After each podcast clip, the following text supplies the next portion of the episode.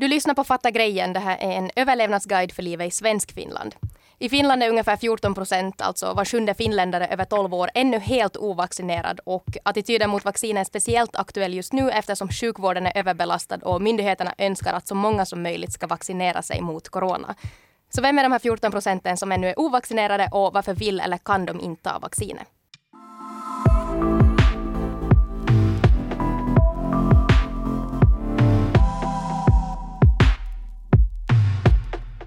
Okej, Axel, har, har, du tagit båda coronavaccinerna? Ja, jag, jag gjorde nog det och jag gjorde ungefär så snabbt som jag kunde mm. faktiskt. Har du gjort jo, det? Ja, men jag hör ju till den här lite yngre åldersklassen kanske, så att jag fick ju inte direkt, så jag satt ännu och, och hackade lite med, med, med fingrarna i bordet och väntade mm. att nej, snart blir det min tur. Men att jo, jag, jag tog dem så snabbt jag bara kunde sen. Ja, exakt.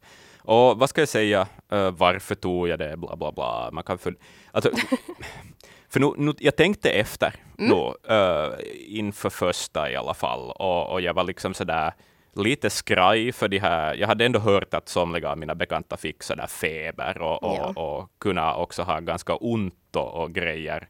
I den tankeprocessen så blev jag ändå medveten om att sådär att vet jag nu egentligen vad jag tar och allt det här. Att, att nu som grubblar jag igenom det, men landar väl någonstans i någon sorts slutsats om att månne inte gänget har har gjort ett bra jobb och ja.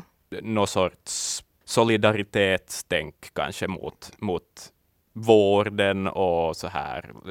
Så där, att, att, att det är lite en skyldighet upplever mm. jag det som. Ja, jag hade kanske lite samma. Alltså, jag tänkte inte egentligen igenom så hemskt mycket om jag kan erkänna det, utan jag var mer så att okej, okay, det här gör alla nu, alla ska ta vaccinet typ. Mm. Så bokade jag nog på min tid och så tog jag det och inte tänkte jag kanske mest efter liksom jag tänkte inte så mycket på att okej, okay, nu ska vi ta ett coronavaccin, utan jag kanske mer tänkt på att oj, vilket coronavaccin får man? Ja, yep. Um, att det fanns ju, nu hade ju funnits en liten sån här favoriterna kanske bland alla coronavaccin. Ja, exakt. Man vill ju inte ha Moderna. Liksom. Jag fick, vad det nu heter, Biontech. Och jag gillade det för att det låter mest science fiction. uh, ja, ja, ja, det fick jag också. Ja. Nice. Bra. Science fiction, high five. Ja, och så här i, i början nu så är det kanske bra att nämna just vårt syfte med podden. Vi vill ju inte skapa något drama med det här. Mm. Vi vill få folk att förstå, just förstå den andra sidan. Mm. Vare sig vilken sida man står på. Öka förståelsen i ett samhälle som blir mer splittrat vad man kan säga. Och, och just istället för att hata varandra så ska vi förstå varandra.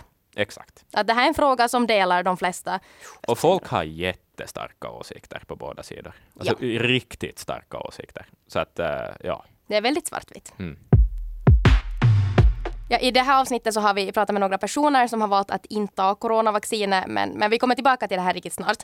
Uh, men som sagt så är det då ungefär 14 procent av alla finländare över 12 år som fortfarande inte har tagit något coronavaccin alls. Det vill säga just var sjunde finländare är helt ovaccinerad. Mm. Och den här attityden mot vaccin så är speciellt aktuell just nu eftersom de här dagliga fallen ökar helt massor. Helsingfors och Nylands sjukvårdsdistrikt oroar sig för att intensivvårdsplatserna för coronapatienter håller på att ta slut. Mm. Och också allt fler upplever upplever en så, så kallad pandemitrötthet och därför inte längre kanske är lika motiverad att följa uh, de här rekommendationerna de här, mm, för att mm. skydda sig själv och, och, andra från viruset. Absolut. Ja, jo, jag är så trött jag också. Ja. Och nu har jag blivit mer chill också. Så att, uh, jag är säkert själv också en del av problemet. Mm. Ja, och man märker det också ganska klart att så fort den här, det här pack och det här måste att ha munskydd i kollektivtrafiken försvann och nu till, gick tillbaka till att igen bara vara en rekommendation så är det nog mycket fler som nu skippar munskyddet mm. än som gjorde i början när det bara var en rekommendation. Så är det. Jag åkte tåg här också för någon mm. dag sedan och det kändes som att alla satt med liksom någonting ätbart i händerna hela tiden så att man liksom skulle kunna ha en anledning att inte ha masken på. Liksom. Ja. Sådär. Och jag var likadan. Ja, man har nog blivit definitivt en liten småätare under pandemin. Men också myndigheterna önskar nu då att så många som möjligt ska vaccinera sig mot corona. Mm. Uh, men, men vem är den här 14 procenten då? Att varför, varför vill inte en del vaccinera sig? Mm. Ja, och orsaken till det här är oftast att folk helt enkelt inte litar på att vaccinet är säkert. Att tidigare har man trott att den här tveksamheten till vaccin beror på att just sjukdomen som vaccinet ska skydda emot längre inte är så vanlig i vår omgivning. Till exempel, ett exempel på det här är mässling. Mm, just det. Eh, mm. Som, det hör också till det här nationella vaccinationsprogrammet, men det syns ju inte lika mycket i vårt samhälle mera. Just tack vare nog att man vaccinerar sig. Men samtidigt kan man ju börja tänka det här att varför ska jag vaccinera mig mot det om det ändå inte finns i Finland? Mm. Så att man kan lite säga att vaccin är ett offer för sin egen framgång. Precis, ja. ja. ja. Men ny forskning visar nu ändå att den här oviljan att vaccinera sig också finns fast en så här allvarlig sjukdom då sprider sig i samhället som just Miss Rona. Just det. Och jag tänker att en del som också kan ha sporrat det här att man inte vill vaccinera sig nu när det finns en sån här ny, okej okay, man kan inte säga att den är ny mera efter så länge den har varit här, mm. men den här corona just äh, är också efter det här kanske lite klåperier med svininfluensavaccinet. Absolut, ja. ja. Jo, jo, jo. Nu var det muka också safe, eller liksom sådär. Ja. Och, och, och det var nog jättesynd. Det behövdes inte. Liksom, mm. Skulle det inte ha hänt så skulle det säkert vara ett helt annat läge nu, tror jag. Ja. Uh, att det var nog liksom, det var ah, taskigt att de måste torra Det var sådär. det, för det, det gjorde nog många osäkra. Ja, ja. Jepp. Men, uh, men liksom, hur syns det här, de här liksom som inte är vaccinerade, är de en börda? No, ja, alltså, no, det, är ju näst, det är ju mest de som syns i sjukvårdsstatistiken. Mm. Att 70 procent av de som behöver sjukvård är ovaccinerade och för ovaccinerade så är risken att behöva specialiserad sjukhusvård 19 gånger högre än för vaccinerade och hela 33 gånger högre för att behöva intensivvård. Okej, okay, just det. Men det, är ändå, det finns ändå ett 30 procent där som, ja, det finns det. som är vaccinerad. Eh, ja, och mm. det, där kan det vara just att det är personer som då bara har fått en spruta, vilket mm. inte är lika effektivt som två. Eller sen så är det då folk som faktiskt är dubbelvaccinerade, men som också har då en grundsjukdom av något just slag. Det. Eller äldre befolkning som nu också har rekommenderats att ska ta en tredje spruta. Mm. Jo, för effekten avtar ju också mm, äh, det, efter en tid. Att var man jättetidig gammal och tidig mm. därför mm. till vaccinationskön på något ja. vis, så kan det ju vara att det lite har börjat avta. Och sen har det ju också visat sig ha en viss eh, skillnad i hur, hur lång intervall det var mellan man fick de båda. Just att det. de här just uh, sjukpersonalen som hade, i början fick vacciner som bara hade typ tre veckor eller något sånt, så de ska också nu ta på nytt. Ja, nej, men det där makes sense på något vis. Uh, jag snackade också med en, en högt uppsatt läkare, Peter Nieminen, som är chefsöverläkare här i Vasa. Mm. Så lite om sådär, vilka är det? Vet man liksom ja. äh, åldersmässigt och sådär. Så att äh, enligt honom så den största kategorin av de som inte är vaccinerade är 25 till 35-åringar. Mm. Äh, han resonerar lite så att, att det är ju en tid i livet då många är väldigt upptagna. Med, det kan vara att man har bildat familj eller liksom mitt inne i någon sorts karriärsbyggande del av, av livet och kanske på det viset inte hinner mm. pricka in de här grejerna. Eh, det kan också vara unga som redan har haft covid-19-sjukdomen och alltså inte får vaccinera sig ännu förrän det har gått då sex månader efter ja, att man ja. hade det. Sen finns det förstås sådana som kanske har någon gång fått några kraftiga bieffekter av något tidigare vaccin och därför är skeptiska och, och lite rädda för det. Uh, och, och, förstås då en liten del som direkt motsätter sig uh, mm. vacciner i allmänhet. Och, och, uh, jag har varit i kontakt med en sån, men vi kommer in på det lite senare. Yes. Och sen finns det förstås också det att un, unga människor som tror att de är odödliga. Att, att det är liksom att min kropp är frisk, jag fixar nog det här. Man har kanske hört att bekanta har haft jättemilda symptom av covid-19 och så vidare. Ja. Att, att det, där, det finns det, den också. Han själv, den här Peter Nieminen, så sa nog att han, han skulle nog vara jätterädd om han inte skulle vara vaccinerad nu. För han ja. är ändå som han snackar om hur oberäknelig den här sjukdomen kan no, vara. Är, man vet ju aldrig hur den påverkar mm -mm. en och, och sen kanske det är viktigt att komma ihåg också att man är inte ung för evigt. Nej, Nej. Nej, det är man inte. Och den, den, den har drabbat också unga människor mm. allvarligt. Och det kan vara att du först har jättemilda symptom, till och med tillfrisknar, och så mm. kan det gå någon dag och sen på några timmar bara så kan det gå från att du börjar känna lite sådär någonting i andningsvägarna till att du ligger på intensiven och måste ha respirator. Det, det som, den är jätteolika. Den drabbar folk så olika, och, mm. men i, i värsta fall kan den vara jätte, jättefarlig. Och ja, och speciellt också de här post-corona-effekterna. Mm. Att jag har fortfarande en bekant också som efter ett år efter att ha haft corona inte har något luktsinne. Fan vad synd. Mm. Ah, inte kunna lukta på hundbajset på våren. Liksom. ja, nej, men det här blir ju farligt om man går på vässa hemma hos någon annan och sen så vet man inte att vilken stank man har lämnat nej. efter sig. Ja, och inför det här avsnittet så har vi då varit i kontakt med några personer som är osäkra på vaccinet eller inte alls har velat ta det. Mm. Eh, jag slängde ut en fråga på Instagram. Eh, där fick jag napp av tre personer. En Jakob, en Josefin och en, en som önskar vara anonym. Eh, mm. Så vi kan kalla henne Sara i det här avsnittet. Precis. Jag har också hittat en, vi blev hänvisad via en ganska uttalad vaccinskeptiker mm. till en annan person som jag har varit i kontakt med. Som vi kommer till också. Så att, men vi har lite sådär, det känns som att det är ett, ett persongalleri Det som, som går liksom från lite osäker till liksom tydligt Mm. eh, skeptisk. Men eh, de du har varit i kontakt med, varför, Mm. varför har de inte vaccinerat sig? En av personerna som jag var i kontakt med, så hon önskar vara just anonym eh, och vi kan då kalla, vi kallar henne för Sara i det här avsnittet. Och hon har då valt att inte vaccinera sig ännu i och med att hon är gravid. Eh, att hon sa att den här to vax or not to vax eh, frågan är väldigt svår. Eh, det är väldigt svårt att tänka rationellt när man, som hon kallar det, odlar folk. Och det är alltså endast nu på grund av graviditeten som hon inte har vaccinerat sig. Att hon, hon sa att annars skulle hon absolut ha gjort det. Och hon, men hon säger att det blir just en annan sorts känslomässig oro och nervositet just nu än annars. Eh, Fast, fast den här datan som då finns tyder på att det rekommenderas att också gravida vaccineras. Men, att, men nu, är det, nu är det ju svårt att tänka rationellt i, i den frågan när det inte bara gäller en själv mera. Absolut, ja. ja. Och hon tillhör ju nog också en, en, en grupp som också vården är helt medveten om. Mhm. Alltså för att, och där var ju också det att i början, då vaccinerna började komma, så var ju rekommendationen det att gravida inte skulle vaccinera Ja. sig. För att man inte visste tillräckligt då ännu. Nu vet man mer och nu, nu är det Mm. ju helt fine att vaccinera sig, men att den där uppfattningen lär säkert hänga kvar. Det blir mycket en sån här men tänk om situation. Ja. Och sen jag en till som jag var i kontakt med, så hon heter Josefin. Eh, Och hon berättade att den största orsaken till att hon har valt att inte ta vaccinet eh, är för att hon inte vill vara en försökskanin på ett så snabbt vaccin. Eh, Hon, hon säger att i genomsnitt så brukar det ta mellan 10 och 15 år av forskning innan man börjar använda ett vaccin, medan det här coronavaccinet då också ett virus man inte har vetat jättemycket om, togs fram i rekordfart.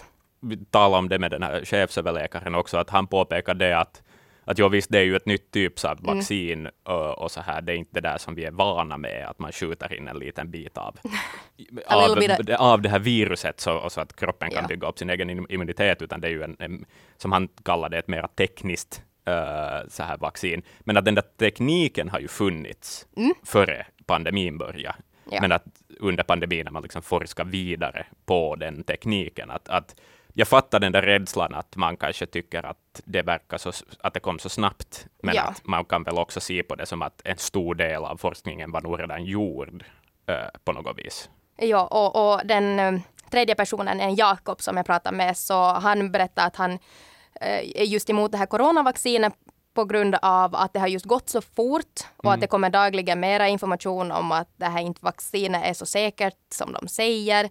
Eh, och en annan orsak till att han inte har tagit det här coronavaccinet är för att eh, svininfluensavaccinet just blev indraget och det kom för många allvarliga biverkningar. Men att coronavaccinet då inte har blivit borttaget från marknaden fast det har gett mer biverkningar än alla andra vaccin har gett på de senaste 30 åren enligt honom. Mhm, Eh. Just det. Han är kanske också lite skeptisk till det här mRNA-vaccinet. Mm, precis. Ja, ja. Vi ska ju inte kanske gå in så jättemycket på teknikaliteterna. Eller det var, för att inte, jag hade nog, vad fick jag, sju i biologi och, och kanske sex i fysik, så att jag ska inte liksom sitta här och vara någon sorts expert heller. Men, men det där liksom, så att, men, men jag, har, jag, jag förstår ändå, jag kan förstå hur de här människorna tänker. Eh, och, och jag kan också förstå eh, den som jag var i kontakt med, han, han vill också vara anonym, men vi kan kalla honom för Fredrik. Eh, han skrev, gav mig ett väldigt långt svar. Jag har nu liksom komprimerat det ganska redigt här. Hans erfarenhet av var det att hans äldsta son, som idag är 19, son eller dotter, jag minns inte, med barn, som idag är 19, så hade fått ganska kraftiga liksom, re, reaktioner på något vaccin som spädbarn. Jaha, Eh, ja. och, och han, han berättade då att liksom hans fru ville ta reda på mer och börja leta ut på internet och hitta då en hel liksom, underground-scen av, av människor med liknande erfarenheter och sånt på internet. Och, Mm. och, och så här att det har man ju hört om förr också, liknande erfarenheter. Alltså, och, och speciellt människor som kanske upplever att man inte har fått tillräckliga svar Mm. från vården i allmänhet. Och liksom att, att det blir ett lugn av att veta att andra har delat ens erfarenheter. Mm, absolut. Nu förstår man ju det också att rädslan ökar om det på riktigt har hänt en själv eller någon nära just att några allvarliga biverkningar av ett vaccin, att man sen blir mera skeptisk i framtiden inför Ja. dem.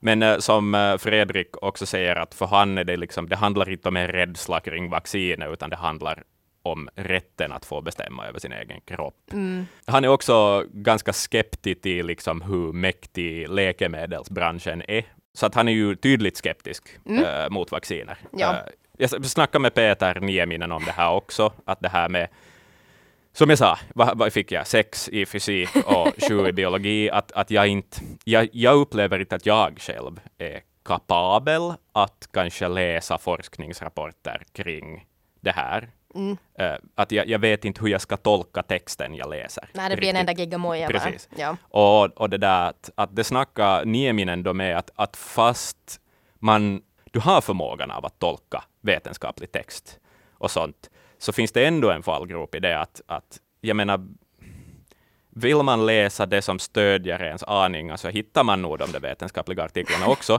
Och, och det här ju, det, det ser vi ju. Mm. Uh, men, men liksom ska man på riktigt läsa sig in på vacciner då till exempel, så då måste man läsa allt från A till Ö. Och man måste läsa liksom metaanalysen, alltså de studier som har gjorts med studier som material, alltså ja. de är som, uh, och, och så vidare för att skapa liksom någon sorts vettig bild av det. Att, att yeah. Nieminen sa nog också det där att det finns liksom en jättestark opinion idag som kan kopplas till bara enskap, enstaka artiklar. Ja, och det här är ju jobbigt för när det blir så tungt så vill man ju inte läsa in sig på det här. Jag, jag orkar inte ens korrläsa min kandidatavhandling för jag tyckte det var så tråkigt.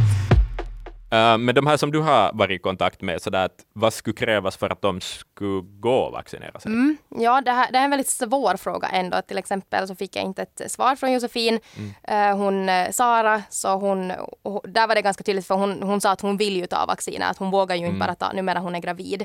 Så att hon, hon kommer då troligtvis att ta det, bara hon har fött barnet. Precis. Så kommer hon att kunna ta vaccinet sen. Uh, och sen Jakob, så han sa att han inte riktigt kan säga vad som skulle göra att han tar vaccinet, men han sa att skulle vaccinet fungera så skulle man inte behöva tvinga det på människor som de gör nu. Så här är det kanske mer det här att man eh, samma sak när föräldrarna säger att man ska fylla diskmaskinen, inte vill man göra det då. Nej, nej, nej, det, eller, det, liksom, det blir en helt annan sak när det känns som att det tvingas på en. Mm.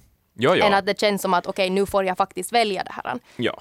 Det har ju inte varit tvång ännu, det, men absolut är det en morot. No, det är just det. Och det är ju många personer som upplever det lite som tvång på det ja. sättet som det pressas på. Ja, alltså speciellt om man är utan vacciner så blir det ju som ett Alltså jag menar, det, det, det, finns ju saker i samhället du inte kan ta del av, mm. uh, helt enkelt. Och, och, då antar jag nog att man myndigheterna kan ändå vara sådär att jo, men det är nog fortfarande frivilligt. Och jo, I guess tekniskt sett är det fortfarande frivilligt, men jag förstår absolut att det tolkas som att det är mm, tvång. Precis. Men, och sen är vi ju tillbaka plötsligt i högstadiet med grupptrycket också. Ja, exakt. Ja. Precis. Ja. Att är det då ett fritt val eller inte?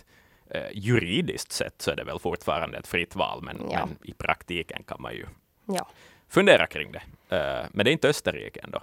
Nej, jösses ändå. ja, i Österrike så är det annat. Ja. Uh, där har man också kanske försökt locka flera, eller på olika sätt, mm. att folk att ta vacciner. Där erbjöd man ju till och med prostituerade i ett skede. Ja. Eh, på tal om det här liksom kanske indirekta tvånget, mm. uh, om vi då kallar det för coronapasset i det här fallet, Uh, vad, vad har de för upplevelser kring det, de du har varit i kontakt med? Ja, uh, hon, hon Sara, hon säger att coronapasset är solid. Uh, att inom vissa ställen och tider i alla fall, att just restauranger, konserter, nattklubbar och sånt. Mm. men hon själv tycker att det sen känns fel att begränsa på till exempel apotek och matbutiker och bank så länge folk förstår att hålla avstånd och använda mask. men här i alla fall i Finland så använder inte ju sådana här ställen, som nödvändiga ställen som just banker och Nej. matbutiker coronapasset. Så att det, det borde ändå vara helt fint fortfarande fortfarande solid. Men jo, problemet är ju här kanske att folk ändå inte fattar alltid att hålla avstånd eller använda mask. Men sen är vi ju nog sen igen, grund, i grund och botten ändå finländare så att nu håller vi ju en viss distans ändå till varandra. Jo, jo, jo. ja. Och Josefin som jag pratade med också, så hon anser att coronapasset pressar folk att ta vaccinet, att eh, trots att alla egentligen har rätt att just välja själva om de vill vaccinera sig eller inte, men att det också blir en sån här annan sorts press mm. på att nu nu måste eller nu borde du ta det. Och eh, Jakob så han sa att eh, han, han hänvisar på det sättet att coronapasset så eh, enligt finska grundlagen och Nürnbergkoden är olagligt med ett sånt pass så att det inte finns så mycket att diskutera där. Okej, olagligt. Och Nürnberg? Ja. är det här alltså andra världskriget, Nürnberg? Ja, eh, det, det är det ja. Okej. Um, Intressant. Berätta mera. Ja, eh, den här Nürnbergskonventionen innehåller då principer eh, som ska följas vid experiment som involverar människor.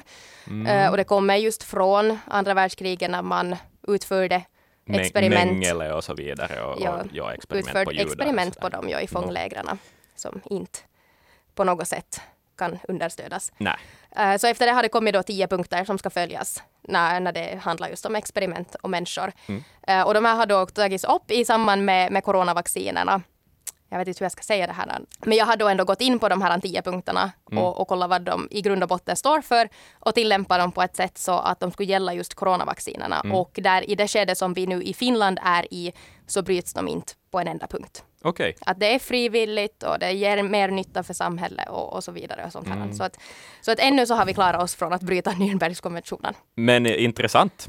Ja, uh. och just också det här gällande att argumenten med grundlagen. Mm.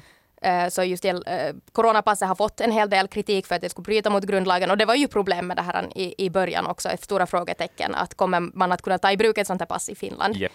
Eh, och det var just därför det också tog så länge att få i bruk det här. Men man har alltså då modifierat coronapassets regler så att det inte ska bryta mot grundlagen. Okej, okay, just och, och, just passets samhällsnytta anses också vara större än nackdelarna och det används bara som ett alternativ just till restriktioner. Så på ett sätt eller annat skulle man ändå vara begränsad. Sant, ja. ja. Och det här, det här mm. coronapasset skulle ju också vara, det skulle bryta mot Eh, grundlagen om det skulle vara så att man måste vara vaccinerad för att ha ett coronapass. Men i och med att de just har gjort det där att man kan endera testa sig eller det gäller också om man har haft covid mm. och, och, blivit, och tillfriskna så att på det sättet bryter det då inte för att det finns andra alternativ till att få passen. Mm.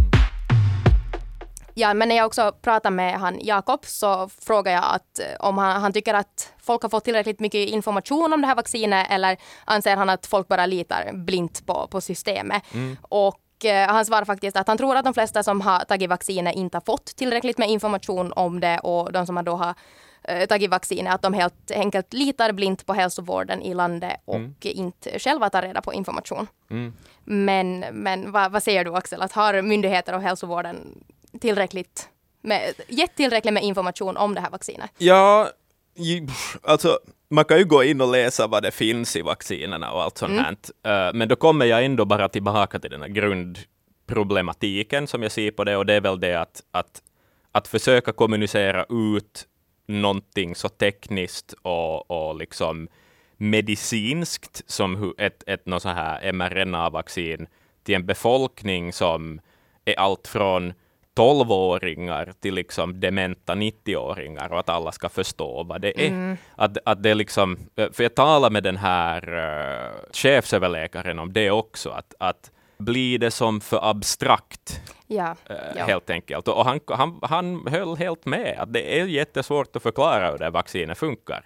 Uh, så det är liksom en sida. Men det vi också talar om, att hur, hur bra har myndigheterna varit på att kommunicera ut hur farlig den här sjukdomen är. För att ja. min upplevelse är åtminstone det att så där i början, någon gång våren 2020, så då såg man några bilder och grejer från liksom italienska covid-avdelningar. Det såg mm. hemskt ut och så vidare. ja. Men sen tycker jag att man inte riktigt har man fokuserar på den sidan lika mycket. Håller du med om det? Eller mm. sådär? Att hur paha det är? No det är ja, ja, nu kan jag se det ja. Vi tar man sitt de här skräckbilderna på ett tag. Nej. Eller så är jag bara för djupt inne i min egen filterbubbla. Så är det ja. ja. Men visst har jag läst som sådär, alltså ibland har människor intervjuats och sådär som har haft det och, och haft ganska mm. farliga mm. men och som har berättat om hur jobbigt det var och så vidare. Uh, men att, att i alla fall upplever jag att sådär att jag i något skede så var jag kanske inte lika rädd för den här sjukdomen mer som jag var i början av pandemin. Men, men att vad Nieminen sa, han, han tyckte att det var en helt bra fråga, så att ge Bra yeah. journalistjobb där, Axel. Yes. Uh, men vad heter det, men han påminner bara om det som jag också talade om här tidigare, att, att, det där, att han nog skulle vara jätterädd om han skulle vara, gå omkring ja. och vara ovaccinerad. Ja, men en, en, sak också man kan börja fundera eh, gällande just de här, de, de personerna som ännu är ovaccinerade i den här sociala aspekten, att hur, mm. hur ser det ut i de ovaccinerades kretsar? Mm. No, i, i liksom det som jag snackade med den här Fredrik om, så han talar ofta om ett vi, uh, mm. som han och hans kompisar och folk som han har kontakt med över nätet och så vidare. Att, att det där, uh, att där var det nog ett ovaccinerat gäng, uh, liksom, och, och, han berättar också att de inte har vaccinerat sina barn. Han har själv nog fått de här vaccinerna som man fick som barn. Ja. och så vidare. Men, men, men så där, i, i högsta allmänhet så valde han att inte svara på mina frågor, utan valde istället att lägga ut ett resonemang mm. på det viset. Så att jag har liksom som så här, vi försöker ju skicka samma frågor till alla de här människorna, men det, var, det, det går som inte riktigt att jämföra sinsemellan, känns det som. Men, men hur är det med de du har varit i kontakt med? Så där? Hur, hur ser det ut där, Jo. deras gäng och kompiskretsar och familj och så vidare? Ja, han, han Jakob som jag pratar med, så han har både de som har tagit vaccinet i, och inte tagit vaccinet i, i både familjekrets och kompiskrets. Där var det också väldigt blandat. Eh, och Sara, så hon säger att de flesta av hennes vänner och familj är vaccinerade eller ska ta vaccinet inom kort utan några konstigheter. Eh, att det finns ju nog några av hennes bekanta som ifrågasätter både vaccinet och själva viruset, vilket hon också säger att man har rätt till, vilket jag också säger att visst man har rätt till. Eh, men som man då kan ha delade åsikter över. Att där var det lite blandat men kanske en mera klar positiv syn ändå till vaccinet. Och Josefin så hon, hon säger att hon mer har blivit trött på sin kompiskrets kanske lite kan man säga.